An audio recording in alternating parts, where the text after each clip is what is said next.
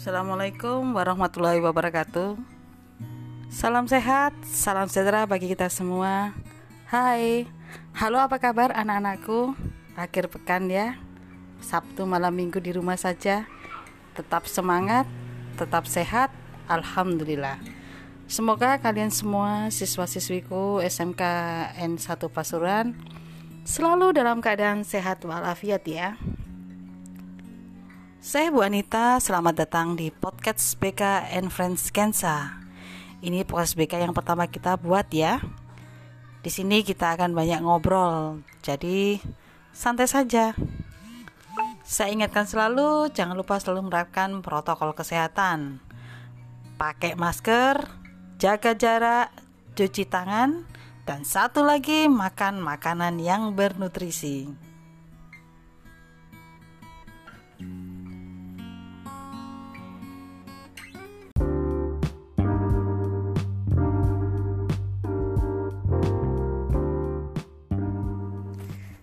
Jadi di sini ibu akan membahas apa pun di dunia kebikaan ya. Sebelum kita bahas di sini, apa sih yang ada di benak kalian tentang guru BK? Coba ayo apa yang kalian bayangkan tentang sosok guru BK? Pasti di sini ada yang pernah punya pengalaman dengan guru BK ya. Ya, ada beberapa hal yang sering kita dengar salah atau keliru dengan persepsi apa sih guru BK itu ada yang bilang guru BK itu kejam. Kemudian guru BK itu polisi sekolah. Hei ini 2021 loh masih ada yang menganggap guru BK polisi sekolah? Nah salah ya. Terus kemudian ada yang bilang bahwa guru BK itu suka marah-marah. Guru BK itu sukanya ngurusin anak-anak nakal. Eits, tidak dong. Guru BK itu juga membantu mengembangkan potensi diri siswa Nah, jadi yang diurus semua siswa, bukan hanya anak nakal, semua siswa tanpa terkecuali. Kemudian ada juga yang pernah saya dengar mempersepsi kalau ada setiap masalah, udah deh kalau semua masalah serahin ke guru BK pasti beres. Terus kemudian ada yang bilang guru BK kan hanya duduk saja di ruang BK. Guru BK kok kerjanya santai sih? Eh, jangan salah ya. Saya jelaskan guru BK itu diamanakan 150 sampai dengan 200 siswa. Nih, tugas BK adalah mengawasi semua siswa tersebut. Bahkan bukan hanya mengawasi, guru BK harus setiap saat ketika siswa ingin melakukan konseling harus siap siswa bermasalah baik dengan temannya, dengan gurunya, dengan orang tuanya, dengan pacarnya, mereka bisa datang ke ruang BK untuk konsultasi ataupun konseling. Guru BK harus menyiapkan materi pelayanan yang terkait dengan empat bidang, bidang pribadi, bidang sosial, bidang karir, bidang belajar. Yang di setiap itu ada materi-materi yang diberikan di setiap minggunya tentunya untuk mengembangkan potensi siswa agar bisa berkembang secara optimal. Ya, jadi jika ada yang melihat guru BK santai di ruangannya, jangan berburuk sangka ya. Mungkin bisa jadi saya atau guru BK yang lain sedang menginput data terkait dengan biodata siswa atau data siswa, menerima KIP, SNMPTN, psikotes, biografi, autobiografi, sosiometri, dan lain-lainnya ada juga loh yang memperoleh bahwa uh, pekerjaan guru BK itu bisa dikerjakan oleh siapa saja. Kan mudah tinggal kasih nasihat selesai. Aduh itu salah ya. Untuk menjadi guru BK tentunya harus kuliah dulu. Kami harus menyelesaikan studi S1 BK selama 4 tahun. Dan jadi untuk menjadi seorang guru BK tentunya harus memiliki kompetensi ya memang benar stigma-stigma itu masih muncul di masyarakat bahwa guru BK adalah suka marah tukang cukur, polisi sekolah atau teruskan ya bahwa kita itu banyak pekerjaan, banyak hal yang kita lakukan termasuk saat ini kita bagaimana kita mengembangkan diri dengan membuat podcast ini agar kita bisa memberikan wawasan kepada peserta didik ya. Nah, tentunya nanti akan banyak hal yang akan kita update terus ya di podcast-podcast kita selanjutnya, lebih rinci lagi tentang kebikaan. Yang saya sekali bawahi di sini adalah saya hanya ingin menerangkan bahwa BK itu adalah proses pemberi bantuan yang dilakukan oleh seorang konselor kepada konseli dengan tujuan agar konseli mampu mengembangkan potensi dirinya atau memecahkan masalah yang dialami, baik secara tatap muka atau menggunakan media ya. Saya kira itu kalau kalian ingin mengetahui lebih banyak lagi tentang BK kalian bisa datang ke ruang BK atau mungkin bisa gabung juga atau memberikan komentar-komentar di IG kita ya di BK Scan Safran jadi kalau misalkan kalian ingin memberikan tertarik atau senang dengan acara seperti ini mungkin bisa lanjut lagi mendengarkan podcast-podcast kita ya. Tentunya banyak hal yang akan kita sampaikan kepada kalian yang bertujuan agar kalian bisa berkembang sekali lagi secara optimal. Oke okay, see you next week. Saya kira cukup untuk hari ini. Selamat sore selamat malam. Assalamualaikum warahmatullahi wabarakatuh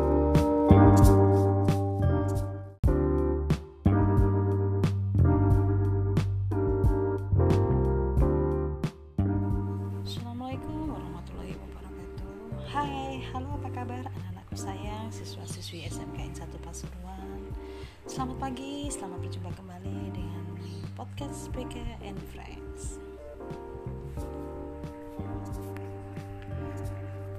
PPKM diperpanjang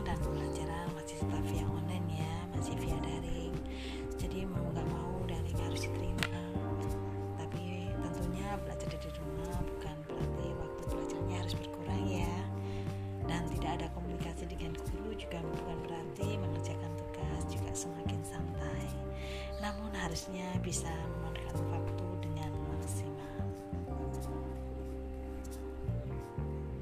Dalam proses belajar mengajar anak-anakku sering kali kita dihadapkan dengan berbagai permasalahan. Nah salah satu masalah yang sering muncul adalah masalah komunikasi. Komunikasi ini berkaitan dengan saat siswa bertanya usul, menyampaikan ide, menyampaikan gagasan, dan tujuan apa yang akan disampaikan kepada guru. Dalam podcast kita kali ini kita akan belajar memahami etika dalam komunikasi. Ya, etika komunikasi saat pembelajaran jarak jauh. Sebagai guru, saya sering mendapat chat dari siswa.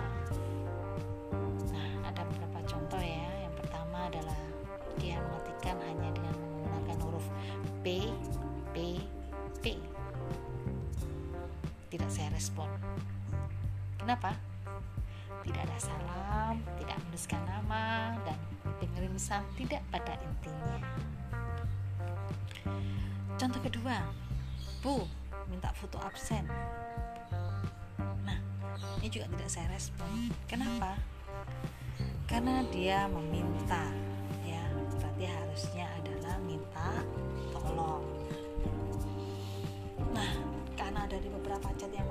saya dan juga dari keluhan bapak ibu guru maka di sini ibu akan membahas kenapa sih etika itu penting terutama kaitannya dengan komunikasi. Ya sangat penting. Yang pertama adalah karena manusia adalah makhluk sosial. Kita harus berkomunikasi ya kita harus berkomunikasi dengan baik agar tidak terjadi pertengkaran. Nah, sebagai makhluk sosial, kita harus memahami namanya etika komunikasi. Saya akan bahas di sini pengertian etika. Etika itu berarti atos, karakter, watak, kebiasaan. Nah, tentunya etika itu tergantung daerah.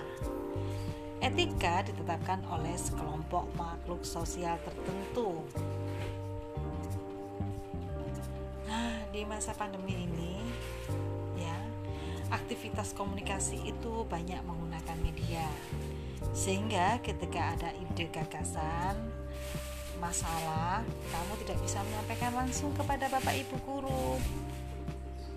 Nah, yang hal yang bisa dilakukan adalah menggunakan perantara, yaitu kita bisa lewat WA, email, Telegram, Facebook, Instagram, dan kalau di SMK Negeri 1 kita menggunakan media namanya pembelajaran lewat e-learning. Juga bisa komunikasi di situ, bahkan ada yang namanya Google Classroom. Nah, kenapa kita perlu etika? Banyak sekali manfaat dari saat kita berperilaku etika. Yang pertama adalah orang itu akan diterima di dalam masyarakat karena dia telah menyesuaikan dengan apa yang ada di dalam masyarakat. Mendapatkan kemudahan dalam setiap usaha. Jika sudah diterima di dalam masyarakat, maka dia akan mampu berhubungan dengan masyarakat dan dia akan disenangi, dicintai, dan bahkan akan mendapatkan bantuan dari orang lain. Orang yang memiliki etika itu bisa meningkatkan kualitas pribadinya. Pribadinya akan semakin meningkat dan banyak orang yang akan suka padanya. Nah, sebaliknya, jika seseorang tidak memiliki etika, maka yang akan dia dapat adalah kesan buruk masyarakat tidak akan menerima. Dan jika mengalami kesulitan-kesulitan maka masyarakat tidak akan bisa membantunya karena dia telah menampilkan kesan yang buruk. Biasanya seseorang yang tidak bertika itu lebih kepada tidak mengikuti uh, pikirannya sendiri ya. Jadi dia hanya berpikir dirinya sendiri kenapa orang lain tidak penting? Orang lain yang penting adalah diriku sendiri. Itu tidak bagus ya seperti itu. Jadi kita harus berpikiran bahwa kembali lagi bahwa kita adalah makhluk sosial kita membutuhkan orang lain. Kita harus bersikap dan bertingkah laku dengan pemikiran orang lain ya. Nah uh, topik kita kali ini adalah etika ya sekali lagi. Terutama ini saya saya amati adalah saat pembelajaran daring terutama. Nah saat pembelajaran daring ada beberapa hal yang harus kalian lakukan. Ada aturan kita dalam pembelajaran daring. Yang pertama adalah ya pembelajaran daring adalah pembelajaran jarak jauh. Dan komunikasi kita sekali lagi adalah lewat media WhatsApp. Lebih banyak kepada media WhatsApp nah di sini yang pertama yang perlu diperhatikan adalah satu kita harus sopan santun dalam chatting bahasa yang harus kita gunakan adalah harus baik dan benar ya dan ketika kita bertanya kepada guru, jangan lupa ucapkan salam, tulis nama, kelas, dan hal apa yang ingin ditanyakan. To the point ya, langsung saja pada intinya. Ketika kalian mengetikkan atau memberikan salam atau menyampaikan tujuan, jangan menggunakan bahasa aku, tapi ganti dengan bahasa saya. Hindari kata enggak, tapi ganti dengan kata tidak. Makasih kepada guru perlu diganti dengan kata terima kasih. Oke, Pak. Oke, Bu. Terkesan sangat akrab dan hal itu hanya boleh dilakukan pada teman ya, tapi pada gurumu jangan. Sebaiknya ganti dengan baik, Pak. Baik, Bu. Ya. Salam. Jangan menggunakan salam dengan hanya menuliskan Pak, P, B atau Bu. Tapi gunakan salam yang baik ya seperti selamat pagi, selamat sore, selamat malam, assalamualaikum, gitu ya. Jadi perhatikan hal tersebut. Nah, format yang bisa saya simpulkan saat mengirim pesan pribadi kepada guru adalah dengan pertama awali salam dengan salam yang baik. Kemudian yang kedua adalah sampaikan permohonan maaf karena telah menyita waktu atau mengganggu Contoh, maaf Pak, maaf Bu, mohon maaf mengganggu. Yang ketiga adalah sebutkan identitas singkatmu. Ya, di sekolah itu banyak anak ya, banyak murid di SMK 1 itu ada 2150 siswa dan satu guru itu mengampu 100 sampai 150 siswa. Jadi kalau kalian tidak jelas dalam menghubungi Bapak Ibu maka tidak akan ada respon. Jadi baiknya kamu tuliskan dulu nama, alamat, nah, bukan nama, kelas dan nomor absen tentunya. Ya, secara singkat jelaskan kepada Bapak Ibu agar Bapak Ibu mengerti siapa dirimu dan apa tujuanmu. ya. Sampaikan tadi maksud dan tujuanmu secara singkat ya. Jadi kaitannya dengan materi apa yang akan diberikan. Misalkan bapak ibu uh, dengan materi yang sudah diberikan apakah boleh saya menyusul mengumpulkan tugas karena saya sedang tidak enak badan? Seperti itu jadi detail langsung pada poinnya. Kalau sudah dapat balasan dari bapak dan ibu gurumu maka jangan lupa untuk mengucapkan terima kasih ya. Jangan hanya mengetik ya. Meskipun artinya Y adalah ya tapi jangan dilakukan. Sampaikan salam sesuai etikanya. Jangan menggunakan bahasa-bahasa harian yang biasa kamu gunakan dengan teman. Kak balik, misi foya, misi-misi, numpang tanya, ya seperti itu saya pernah dapat chat seperti itu. Ya, jadi itu tolong ya untuk tidak seperti itu. Dalam pembelajaran jarak jauh, kita harus selalu memperhatikan informasi yang ada di dalam grup Grup adalah tempat penting yang harus dibaca secara keseluruhan. Di sini ketua kelas membantu Walas ya menyaring komentar yang tidak ada hubungan dengan info yang tidak ada hubungannya dengan info yang diberikan di kelas. Jadi agar info penting tidak terlewatkan. Ya. Nah, sebagai ta uh, tang uh, tangan kanan guru mapel dan walas, maka ketua kelas adalah juga sebagai sumber informasi utama. Maka ketika kalian mengalami kesulitan sebelum kalian menghubungi Bapak Ibu guru mapel atau walas, kamu bisa menghubungi ketua kelas. Ya. Di dalam grup, ya jangan lupa selalu berkomentarlah dengan baik.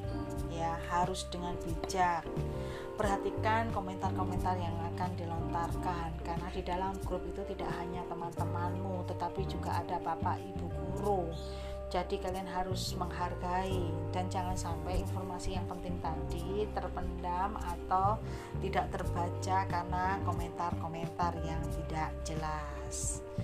Nah kemudian carilah waktu yang tepat ya. Jika ada hal yang penting terkait dengan masalah pelajaran di sekolah yang hendak kamu tanyakan nah carilah waktu yang tepat ketika kamu ingin bertanya namun sebelum itu kembali lagi saya ingatkan bahwa selalu membaca informasi yang ada di dalam grup sehingga kamu tahu secara keseluruhan apa yang disampaikan. Ya jadi tidak akan timbul masalah. Jangan sampai kamu belum membaca secara keseluruhan kemudian kamu langsung bertanya. Ingat sekali lagi bahwa bapak ibu guru selain tugas di sekolah dia juga punya tugas di rumah ya. Uh, ada masalah urutan cari informasi ya jadi sekali lagi kalau kalian mengalami masalah maka hal yang harus kalian lakukan adalah yang pertama menghubungi ketua kelas kemudian guru mapel dan terakhir adalah kewalas telepon guru hanya di waktu-waktu yang tepat. Silakan kalian menggunakan teknologi dengan baik, tapi tentunya dengan sopan santun. Baca dengan teliti sekali lagi, kemudian jangan telepon sembarangan dan selalu perhatikan waktu-waktu saat kamu menghubungi atau um, melakukan chat di dalam WhatsApp.